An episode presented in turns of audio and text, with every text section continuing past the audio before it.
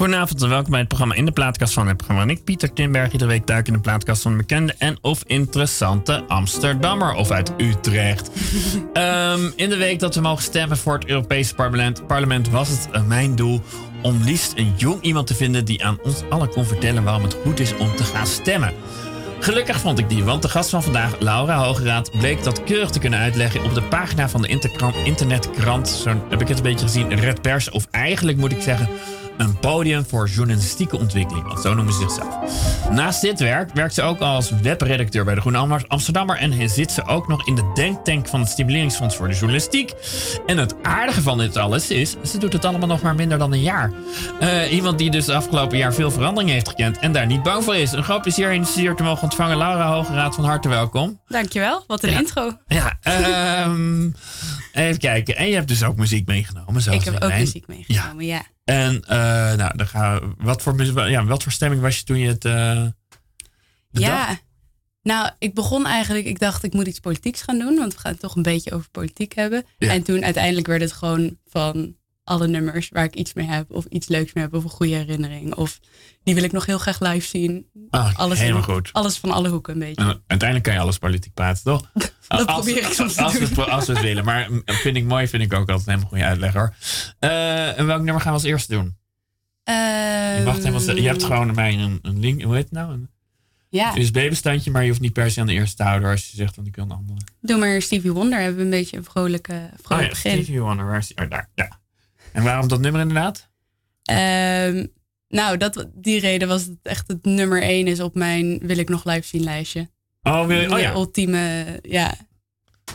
Okay. Dus daarom. Prima.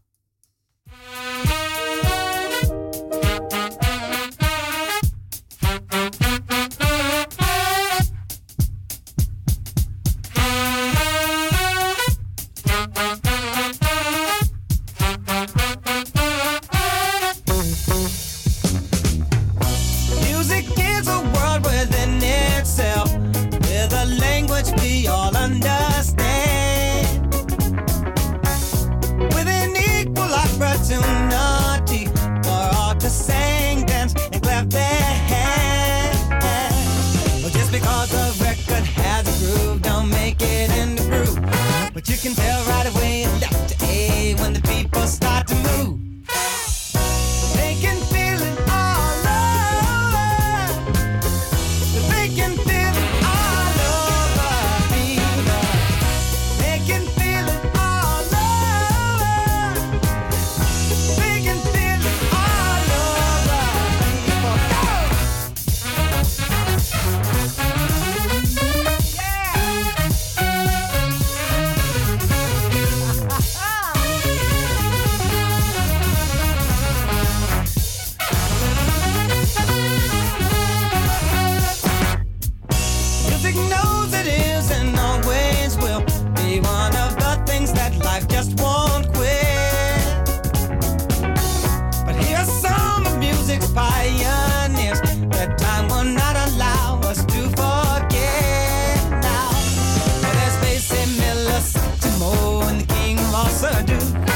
With a voice like hell, it's ringing out. There's no way to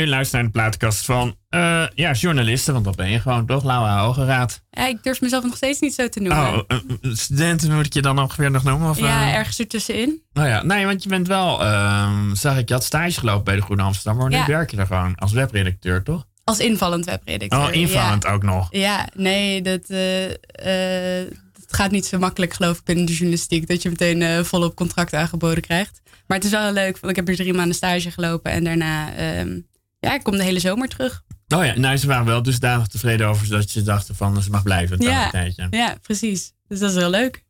Ja, want ben je, na, ben je dus net afgestudeerd, begrijp ik? Of, uh... Ja, vorige zomer mijn bachelor afgemaakt aan University College Utrecht. Ja. En toen gewoon, ik wist dat ik altijd al journalistiek wilde doen. Ja. Uh, dat is nog meer aangewakkerd omdat ik naar Washington ging op exchange. Toen Trump net president was geworden. Wanneer? Ja, ik, uh, ik landde de dag. Uh, oh ja, toen, toen president 2 november 2016. ja, in, bij zijn inauguration. Oh, oh ja, dus de 20 ja. januari of precies, geloof ik. Ja. Precies. Dus, 18 januari landde ik, geloof ik. 19 ja. januari inauguratie, zoiets. Nou, dat is, als, je dan, als je nog geen politieke interesse hebt, dan wordt het zeker aangewakkerd als je van het vliegtuig stapt en dan is er een Women's March en een inauguratie. Ja. En, van alles wat. Wat overkwam je inderdaad? Ja, nou, dat, dat denk je dan continu. Ja. ja. ja. en, en dan ga je journalistiek en politiek daar studeren. Dus dan is het. Oh, in Washington heb je dat ook ja, gedaan. Dus dan is het meteen, uh, meteen raak eigenlijk. Nou ja, wat is, want je hebt het nu ook in Nederland gedaan. Ja. Hoe lang heb je dat in uh, Washington gedaan? Half jaar. Dat was zeg maar mijn exchange semester. Want journalistiek is niet echt... Jij kwam toen uh, net uit dus, uh, gewoon van uh, voortgezet onderwijs vandaan. Ja, dus nou, ik ging naar University College in Utrecht. En Ja. dan een half jaar in mijn vierde, vijfde semester naar Amerika. Ja. Ja, en toen weer terug. En Oh ja. nu, en Maar nu, waarom ben je met eh, journalistiek begonnen toen? Ja, waarom? Ik, wou, ik, ik wilde eigenlijk het altijd al doen. Ja, waarom wilde je het eigenlijk altijd al doen? Dat is soms zo moeilijk om uit te leggen. Hè? Waarom wilde je iets altijd doen? Nou ja, ik denk dat wanneer, ik er... waar- wanneer is altijd? Wist je het op je achtste al? Wist je het op je twaalfde al? Ik denk, ik ben met maatschappijwetenschappen. Dat krijg je denk ik in de derde of vierde. Zoiets, ja. Ja. En, je bent En toen... eh, nee, Maastricht. oh, Maastricht. Maastricht. Oh, dat hoor je echt totaal niet. Dat antwoord krijg ik altijd. ja. Maar je hoort het ook totaal niet. Dus Nee. dat, het is ten loze nou, reflex. daar, daar hou ik ook mijn, eh, mijn trots in. En ja, heb je wel Eh, Maastricht gesproken? Of? Nee. Oh, je, hebt- je hebt altijd een accentloos... eh, Accentloos, maar altijd in de omgeving van allemaal mensen die eh, hardcore Maastrichtenaren Oh, waren. oh ja, maar- je, oh, je hebt altijd een soort statement gemaakt bijna. Ja, ik heb er gewoon een grote liefde voor carnaval aan overgehouden. Oh, dat maar dat, eh, heel goed. dat is eigenlijk alles wat ik heb meegenomen. Oh ja, maar goed, je kwam dus uit Maastricht. Ja, ik kwam uit Maastricht. En ehm, ja, nee, op de middelbare school maatschappijwetenschappen. En toen had ik zo'n hele enthousiaste leraar. Ja, Die, zeg maar, alles tegenspreekt wat je zegt. oh ja. Wat fantastisch eigenlijk is, want dan krijg je grote discussies in de les. En toen ben ik me gewoon, toen ben ik heel veel nieuws gaan lezen om hem maar een beetje, omdat ik een Oh. beetje een bedweter ben. En dat ik hem om- dan beter af Om van repliek te kunnen dienen, zullen we maar zeggen. Precies. Nou, toen, daar is het allemaal bij begonnen. Ja, dus eh, nou ja, wat vond je dan met name interessant aan de journalistiek? De discussie of eh, de maatschappij? Of, Eh, nou, de, ik denk wel de maatschappij. Ik denk de eerste die ik echt heel veel ging lezen was ook Joris Luidijk. ja, En al zijn boeken. mensen. Precies. En eh, dat heeft ook helemaal mijn eh, studiekeuze geïnspireerd voor antropologie, politicologie, combinatie. Eh, ja, dus dat was wel de eerste waar ik meteen dacht van... Wauw, als dit eh, journalistiek is, dan eh, schrijf mij er maar voor in. Nou ja, dus toen ben je in Utrecht ben je toen... eh, ja, antropologie en politicologie. Oh ja, en toen dacht je daarvan, dat, dat brengt me wel bij de journalistiek. Dus je had Ja. niet direct, dus je had geen school voor journalistiek, maar je dacht, ik wil iets doen om met de omweg daar wel te belanden. Ja, ja, en ik ben daar uiteindelijk wel blij mee. Want veel journalisten die zeggen nu ook die ik dan ontmoet van... Want ik wil nog heel graag misschien een master in journalistiek doen. Ja, Maar dan zeggen ze, eh, zorg maar gewoon dat je expert wordt op één gebied. ja, En daarna komt dan de journalistiek wel. Journalistiek leer je op de redactie. ja. Eh, wat ik nog steeds aan het uitvogelen ben, of dat waar is of niet. Maar Nou, eh, ja, nou, je bent dus toen, toen, eh, onbewust had je dat wel blijkbaar gedacht, want toen ben je dus antropologie gaan doen. ja, ja, denk het. Ja, En hoe beland je dan in Washington? Het vierde Ehm, semester zei je al, maar ja, nou daar kies je eigenlijk zelf voor. Dus ik wist dat ik journalistiek wilde doen. Journalistiek wordt niet overal aangeboden als een universitaire opleiding. ja. Eh, maar in Amerika wel. Oh ja, Eh, dus daar ging ik een beetje zoeken naar betaalbare universiteiten waar, je, waar ze hele goede journalistieke programma's eh, hebben. En toen Ja. kwam ik daaruit. en toen belandde je op eh, 20 januari in Washington. Washington. Ja. Nou, merk je wel, uh, want nu ben je wel weer vier, uh, drie, twee jaar verder. Ja. dat daar de hele samenleving als beschouwer ook anders is. De Women's March. Ja. ja, ik denk dat er zeker iets is veranderd in politieke landschap daar van Obama naar Trump. En dan nu weer een soort tegenbeweging met de laatste midterm elections. En dan AOC die opkomt. Alexandria ja, Ocasio-Cortez. ook weer? Ja, Alexandria Ocasio-Cortez. Oh, zeg maar de, AOC. Ja, okay. Hillary Clinton als het ware. Haar hippe bijnaam geworden. Ja, oh, verdomd, ja. Ja, ja dus uh, ik, ik, het is heel interessant om dan te volgen dat je Trump als president hebt en er, en er nu weer een hele sterke tegenbeweging vanuit uh, Huis van Afgevaardigden komt. Dus, ja, uh, gaat het ja. tot opleveren, om het zo maar eens te vragen. Ja, wat gaat er nou ja, in 2020 gebeuren? Nou ja, wat, wat, want de directe reden om je te vragen was natuurlijk ook de Europese verkiezingen. Ja. Ik, ik, toevallig was ik in Berlijn drie weken geleden. Mm -hmm. En uh, nou, daar wordt de verkiezingen natuurlijk veel interessanter gevoerd dan hier in uh, Nederland. Mijn god zeg. Maar dat heel erg te zeggen. Um, wat ze daar natuurlijk ook heel sterk hebben is vanuit Trump redeneren dat Europa belangrijk is. Ja.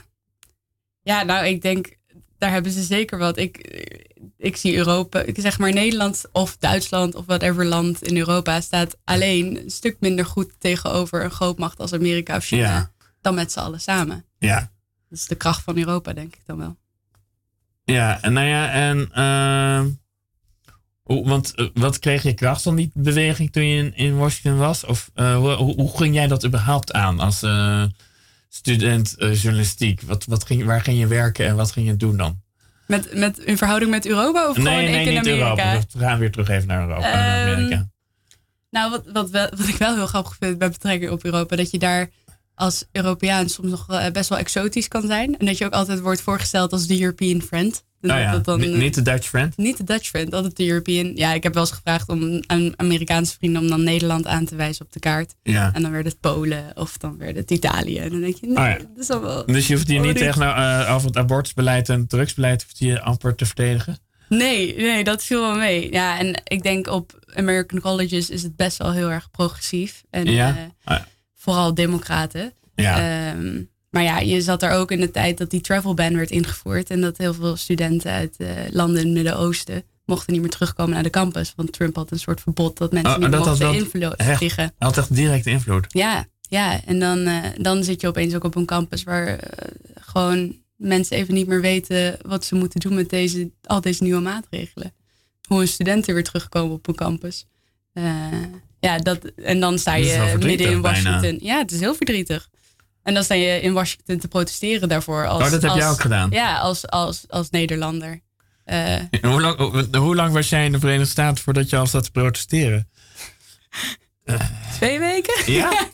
ja, want ze hebben climate marches, women, nou de women's march. Uh, en ja. deed je dan ook echt als, protest, uh, als protester of deed je dat ook een beetje als interessante samenlevingswatcher? Ik denk nog meer als interessante samenlevingswatcher tuurlijk, eh, waar ze voor protesteerden, daar stond ik ook voor. Ja. Maar ik, de, de, marches die ze daar hebben, dat is, uh, dat is niet iets wat wij in Nederland doen. Oh, of vaak hoezo? hebben. Verklaar. Wat, wat, wat, wat doen wij niet in Nederland wat zij wel doen? Ja, elke week de straat op. Gewoon elke week was er wel een protest of een march. Of, in ja, Washington DC hebben we het ja, over. Ja, en dan zit je daar natuurlijk wel in de capital of politics. Ja. Um, maar in Brussel heb je ze ook niet of in... Uh... Nee, nee. Misschien is het ook minder nodig. Ja. Dat kan ook een reden zijn. We hebben geen travel ban of een, uh, of een Trump als uh, president. Nou ja, uh, hebben, nee, we gaan, de, de vraag voor straks wordt, hebben we het eigenlijk in Nederland wel goed? En we gaan het uiteraard ook maar goed, over de journalistiek. Maar wat gaan we nu doen, zeg maar? Laten we Nick Cave doen. Dat is de hele andere kant van, van Blij Stevie Wonder. Ja. Een heel dramatisch, dramatisch, maar prachtig nummer. Is dat ook gewoon de reden dat je het wilde? Uh, of is er nog ook, een andere reden Ook voor? op het lijstje van To See Live staat hij zeker op nummer twee. Uh, en, hij is uh, iets grotere kans, denk ik, hè, qua leeftijd. Ja, zeker een grotere kans om nog te zien. Dus daar, daarom mag hij op nummer twee. Dat is nummer één is de urgentie bij Steven Wonder nog wat hoger. Oh ja. Um, ja, nee, prachtig nummer. Prima,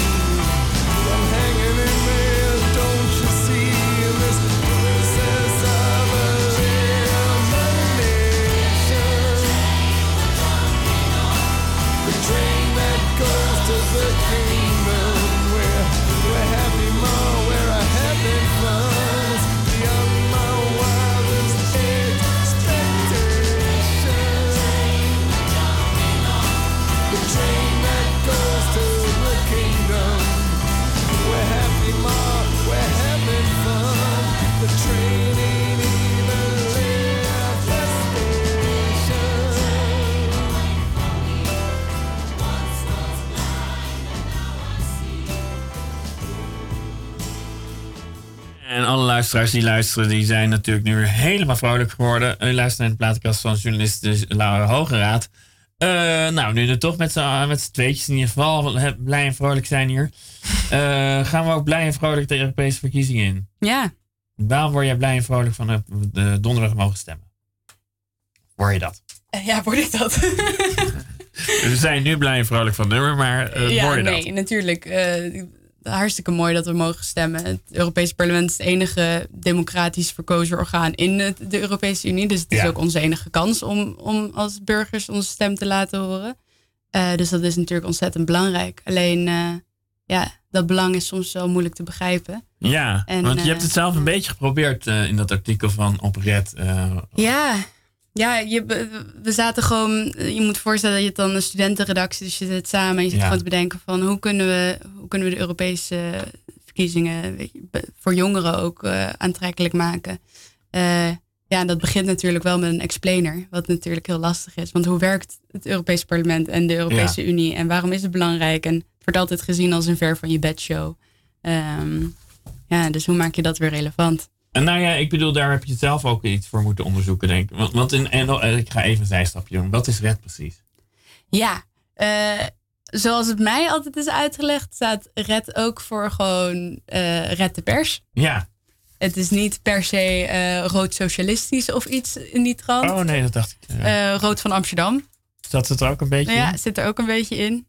Dus eh, het is het Red op, op zijn Nederlands wel meer. Oh, nee, ik, zoals ik het zelf even begreep. eh, nee, eigenlijk was, kwam ik eerst op jouw sport daarna op red. Mhm. Ehm, enerzijds gewoon red is een afkorting voor redactie. Ja, dat is nog eentje. We oh, gewoon oh, de- oh, die, was, die was toevallig. Ik dacht dat dat er wel met echt. En het andere is van dat jullie ook een soort journalistieke potentie hebben wel van we willen. Ja, we willen iets nieuws bieden in het, in het journalistieke veld. En, en ook gewoon jonge mensen krijgen, jonge mensen met journalistieke ambities kunnen via Pers echt artikelen publiceren en krijgen er heel veel vrijheid, maar ook heel veel onder- ondersteuning in. Ehm, En jij bent de eindredacteur een van de geloof ik, ja, hè? ik ben een van de eindredacteuren, maar ik schrijf zelf ook. En eh, we hebben de nieuwsbrief laatst weer helemaal opgezet. Dus er zijn allemaal dingen aan de, aan de hand. Ja. Nou, en een van de dingen die jullie heel logischerwijs dachten natuurlijk was Europa. Eh, dat uitleggen wat je net al uitlegde. Mhm. Eh, ging je het dan ook echt onderzoeken? Of was het meer, de, ik ga opschrijven wat ik eigenlijk toch al weet?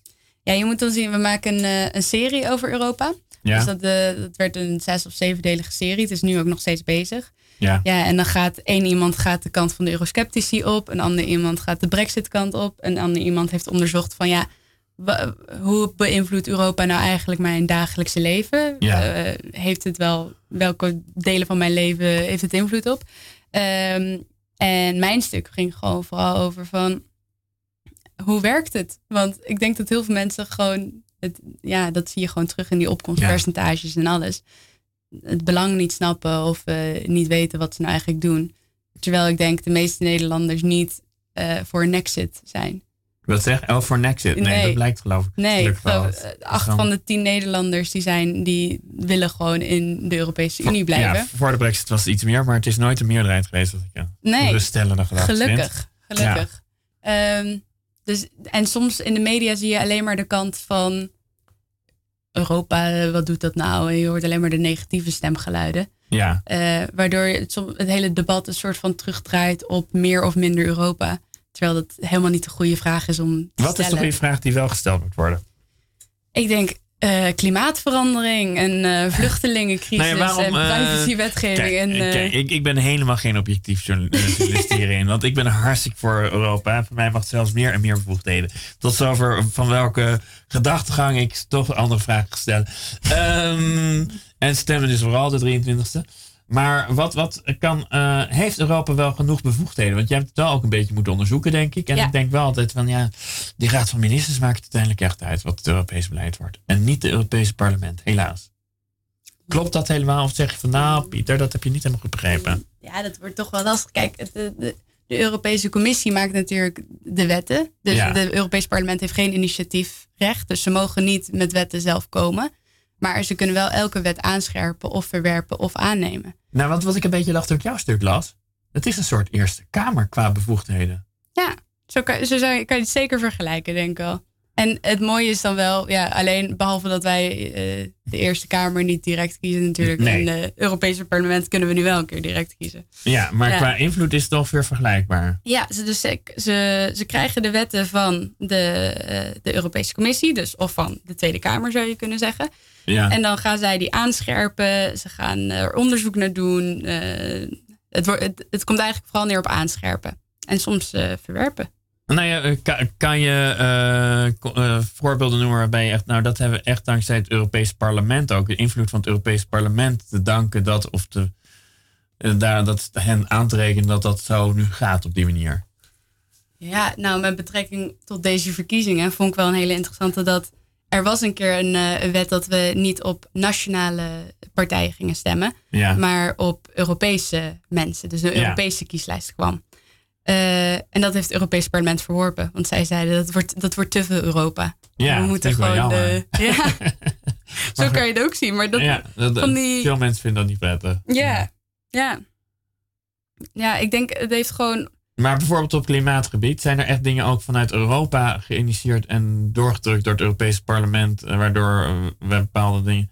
Want je hoort altijd wel bijvoorbeeld dat we voor 2050 bepaald soort CO2, maar ik denk is dat dat is volgens mij geen Europese par- parlement dat daar dat besloten heeft. Eh, nee, ja, je kan niet echt zeggen dat ze dan die, die dingen besluiten. Want ze, ze- wat je zegt, ze, ze controleren vooral heel veel. Ja. Maar be- je hebt bijvoorbeeld een hele invloedrijke eh, Nederlandse politicus, is eh, Bas Eickhout, geloof ik, Ja. van GroenLinks.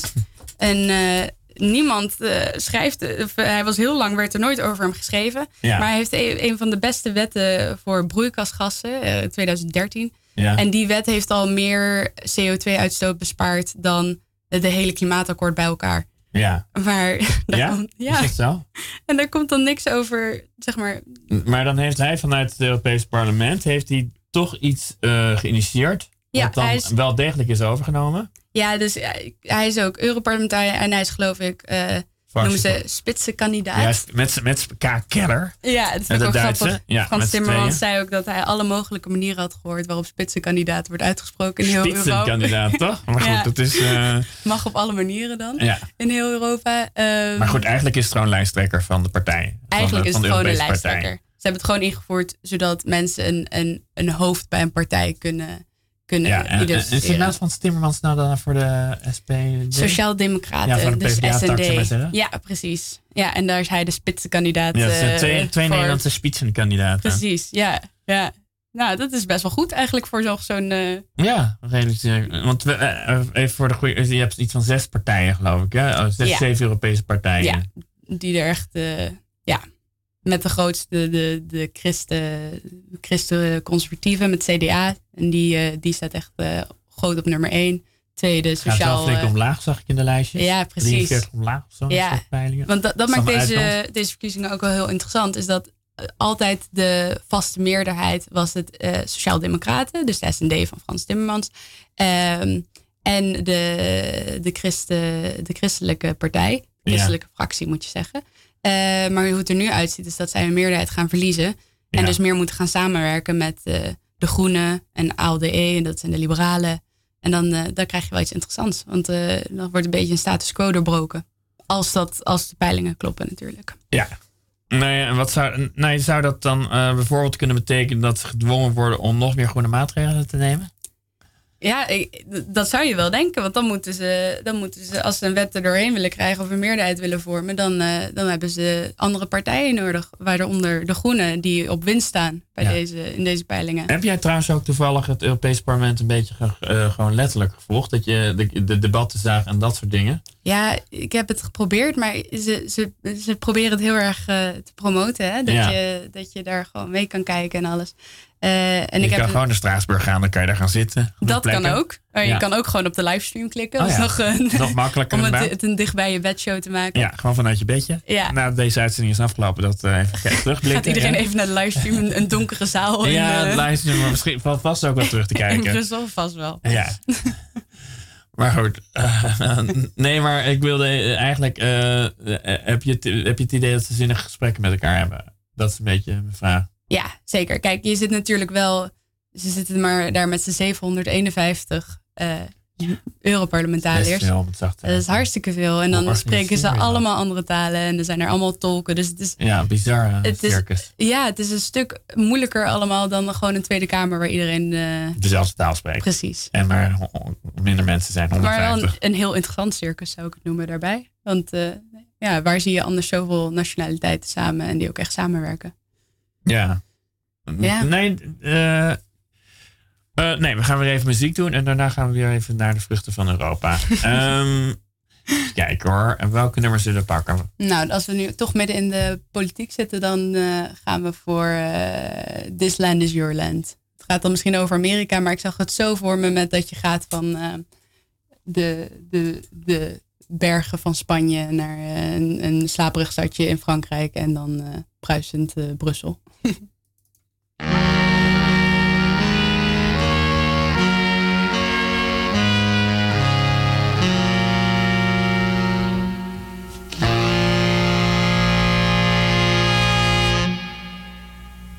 land is your land.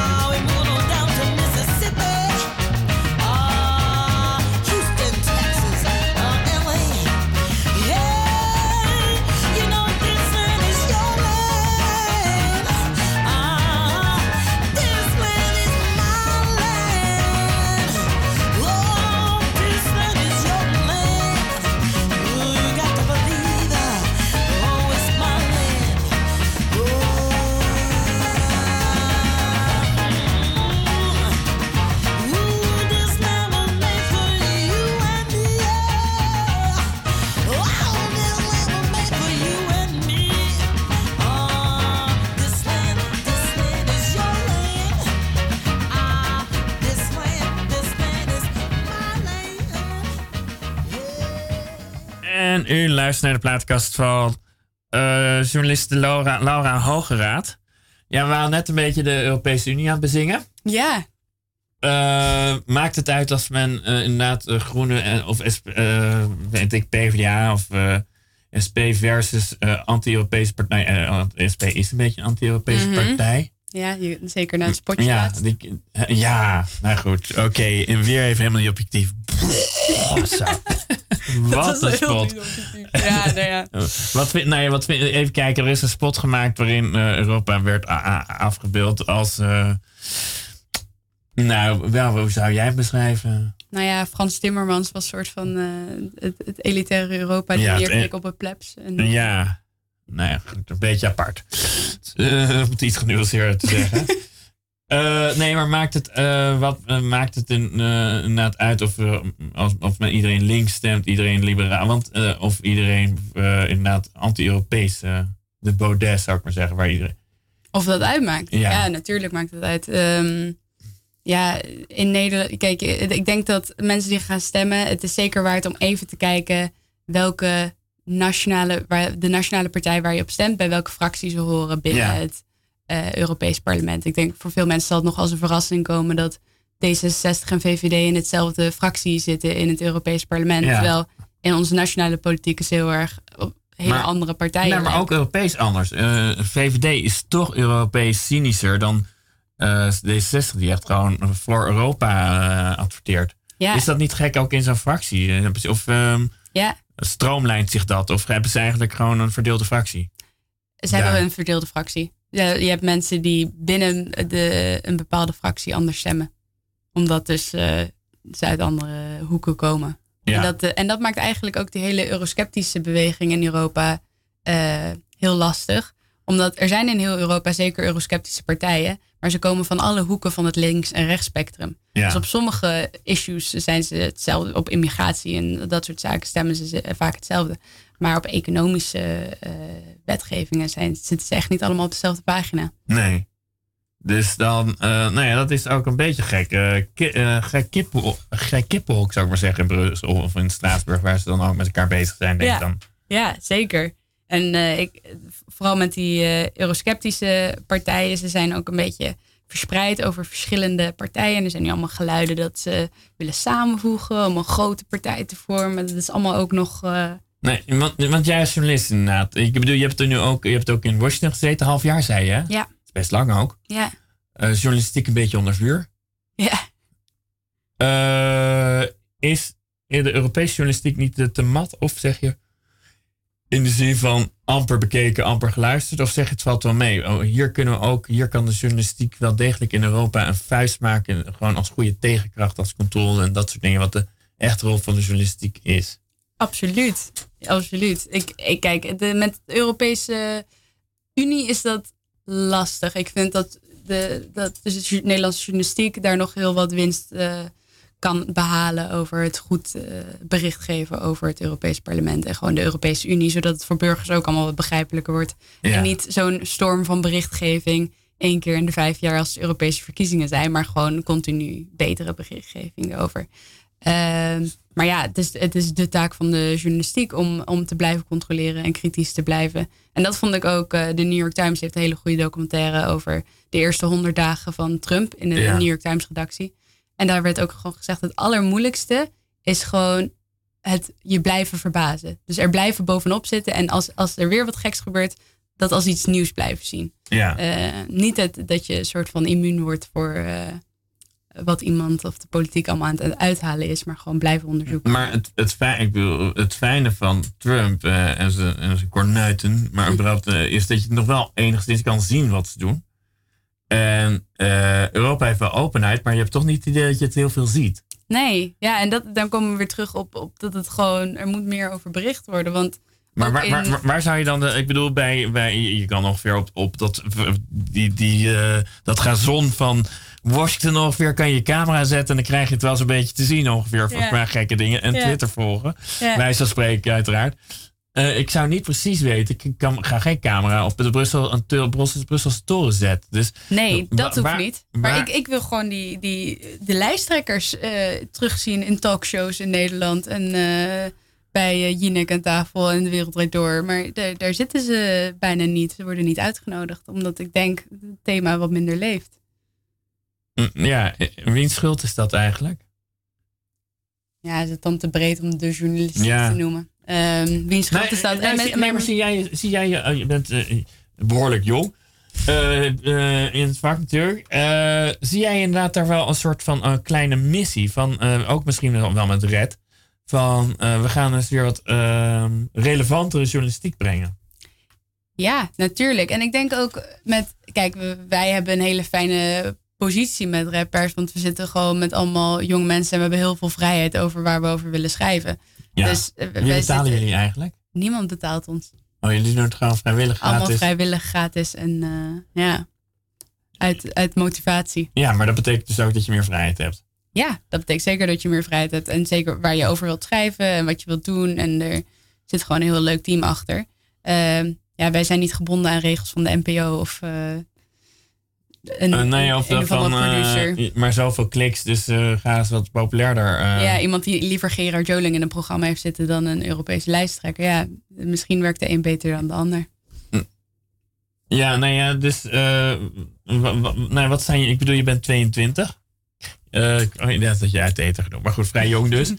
Heb je inderdaad een soort van ambities de, voor de komende vijf, gewoon als journalist? Ja, de- de- bakken. ik denk, ehm, nou, mijn, Gewoon in de ik- journalistieke wereld, Laura. Ja, ik wil wel in de schrijvende journalistiek blijven. Dat vind ik, dat, ik, ik hou gewoon van het schrijven. Ja. Ehm, en ik denk, ik wil het liefst. Ik zat dus bij de Groene Amsterdammer Ja. en dat is een weekblad. Zit Dus je nu de- nog steeds, toch? Gewoon ja, nog steeds. Maar de, de nieuwscycle gaat daar een stuk anders, omdat Ja. het eh, per week is en het is achtergrondjournalistiek, diepgravend. Ik, ik zou het ook wel leuk vinden om even op een redactie te werken waar je gewoon die 24 uur nieuwscycle hebt. En Ja. eh, kijken hoe, of die druk wel anders is en of dat, eh, dat ritme daar heel anders naartoe gaat. Dus dat is voor mij zeker de volgende stap. zou ik maar zeggen. Ja, precies. Ja, dat lijkt me fantastisch om even in die adrenaline ook eh, te zitten. Heb je dat, is wat dat betreft bij de Groene Amsterdam het gewoon een beetje rustiger, zou ik maar zeggen. Van niet van tot de persen, nu moeten we daar, moeten we nu iets mee? Of heb je ook wel dat soort gesprekken? Ja, tuurlijk. Ze, ze zijn altijd op de actualiteit. Maar ze hebben wel de tijd om er iets dieper in te duiken. Het hoeft niet direct op Facebook om de eerste te zijn met de, die de headline haalt. Het kan allemaal wat. eh, er kan iemand geïnterviewd worden en er kan even ergens heen gegaan worden en er wordt even over nagedacht en dan wordt het, eh, wordt het stuk geschreven. Oh ja, oh, je wil, maar jij wil gewoon een beetje de spanning ook dus voor jou. zelf. Maar wat, ja, wat- ook wat- om, wat- om dat nee, verschil want- te ervaren. Want, want Red zag ik ook staan, is ook weer voor vernieuwende journalistiek. ja. En vernieuwende soort dingen. Wat, wat eh, concreet zou dat kunnen betekenen? Want dus als ik het nu zag, was het gewoon een, een leuke internetkrant. Zo, zo bekeek ik het gewoon. Als- ja. eh, maar jullie willen meer zijn dan dat. Ja, ja ik denk ehm, vernieuwend kan op heel veel vormen. Het is ook denk ik heel veel gewoon experimenteren. Dus het is eh, experimenteren met een podcast of met social media of met... eh, Wat voor experiment ga jij doen binnenkort? ik, ik wil heel graag iets met Instagram doen. Het lijkt me leuk om vragen op te halen vanuit het publiek daar. En daar gewoon...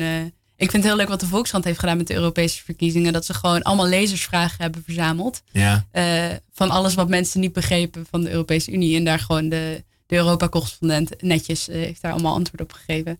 Zulke dingen vind ik heel leuk. Zulke journalistieke projecten.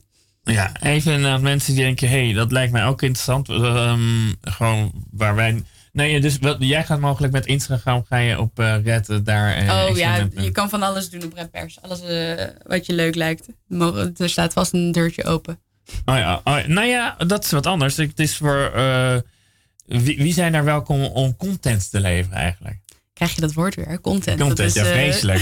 Nee, oké, wie zijn maar wie, wie kunnen daar gewoon inhoud aan, ge- aan mede aan geven? Want ik kreeg een beetje de indruk, maar dat heb ik dus verkeerd, dat het niet een open forum was, meer gewoon journalistieke studentenjournalistiek die. Ja, dus eh, het is ook eigenlijk waar het voor staat, is dat er ook eh, studenten van alle soorten studies, van biologie tot rechten, tot aardrijkskunde, tot whatever, die kunnen naar Red Pers om ook de schrijfkant te gaan ontdekken. Oh ja, Eh, en over die onderwerpen te schrijven op een journalistieke wijze. En niet alleen maar voor een essay dat één professor misschien leest en dan nooit meer gelezen wordt, maar er een hele andere benadering bij te dus, dus stel je bent nu, er luistert nu een bioloog, een student, biologie.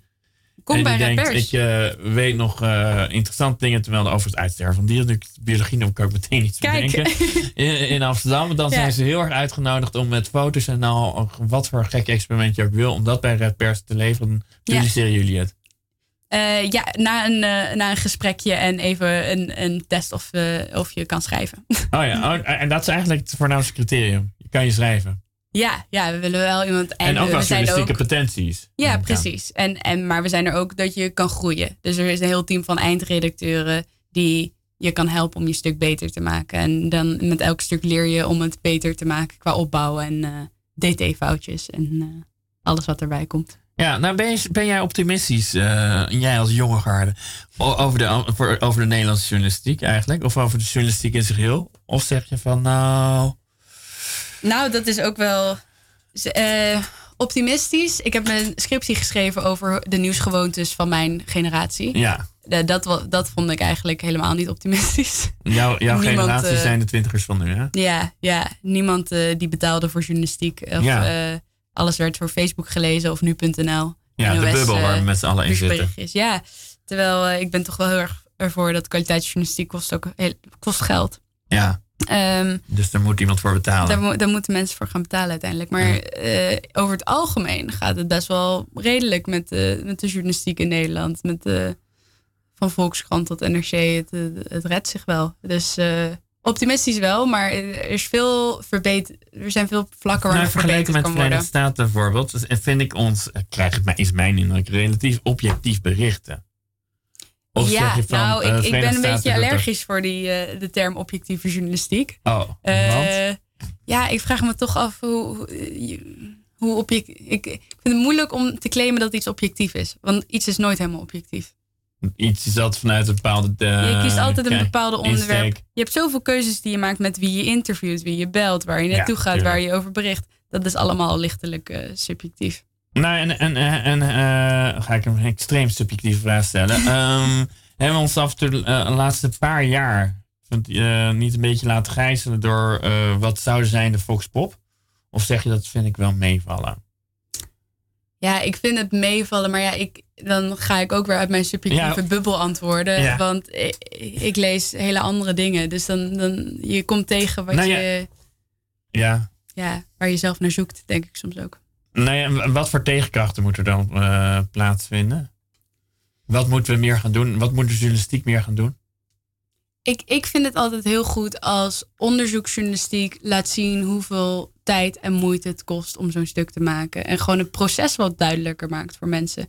Dat, eh, Keuringsdienst van waarde zou ik maar zeggen dat dat, dat ook wel Nou. duidelijk laat zien. Oh, je, je lacht alsof je als redacteur er bent geweest ongeveer. nee, nee, nee, nee. Nee, maar ik denk gewoon. Ik, het is eh, gewoon laten zien eh, wat goede journalistiek is en hoe belangrijk het is. Daar kan nog heel veel winst op behaald worden. Maar ook op eh, diversiteit qua berichtgeving. eh. Ja, de, de- het wordt nog behoorlijk gedomineerd door wit, hè? Wit en Ja. opgeleid. ja, en dat, dat zijn ook dingen waarom ik in de, de denktank van het Stimuleringsfonds zit. Ja. Omdat er gewoon veel zaken zijn waar, waar jonge mensen misschien iets anders over denken. En, en waar de journalistieke sector soms even over wakker geschud kan worden. Nou, bijvoorbeeld. bijvoorbeeld diversiteit. Dat Ja. is wel een groot punt voor ons. En, eh, En hoe, maar ook over publieksparticipatie. Gewoon, er zijn heel veel manieren nu om, om mensen te betrekken bij berichtgeving die niet altijd optimaal worden benut. nou, mooi. Waar, eh, dus een, waar waar gaan we mee eindigen? Waar gaan we mee eindigen? Ehm, dan gaan we. Dat was het beste live optreden wat ik ooit heb gezien. Dat was eh, Sympathy for the Devil van de Rolling Stones op Pinkpop Kijk hoe lang het duurt. in 2014. Eh, even kijken. Is Oh. die te lang? Nee, ja, nee, dan, dan een stuk ervan. Is niet erg. een stuk. Een stuk ervan is, het wordt een lelijke afbreken. Eh, niet natuurlijk nadat ik je hartelijk heb bedankt voor je komst. Wat ga je trouwens stemmen aanstaande donderdag? Ga je natuurlijk niet zeggen. Ga ik natuurlijk niet zeggen. Nee. Nee. Maar, maar ik ga wel stemmen. Net als alle anderen. Iedereen moet gewoon wel stemmen. En hopelijk hebben we met deze uitzending een of een paar mensen daartoe overgehaald. Um, ehm, en niet natuurlijk net ik je hartelijk heb bedankt voor je komst. En aan te kondigen dat eh, over twee weken het te gast is eh, directeur van de Hortus Botanicus, Carleen Blok. Dus dat wordt ook weer erg. Jesus Christ at his moment. Me damn sure the pilot.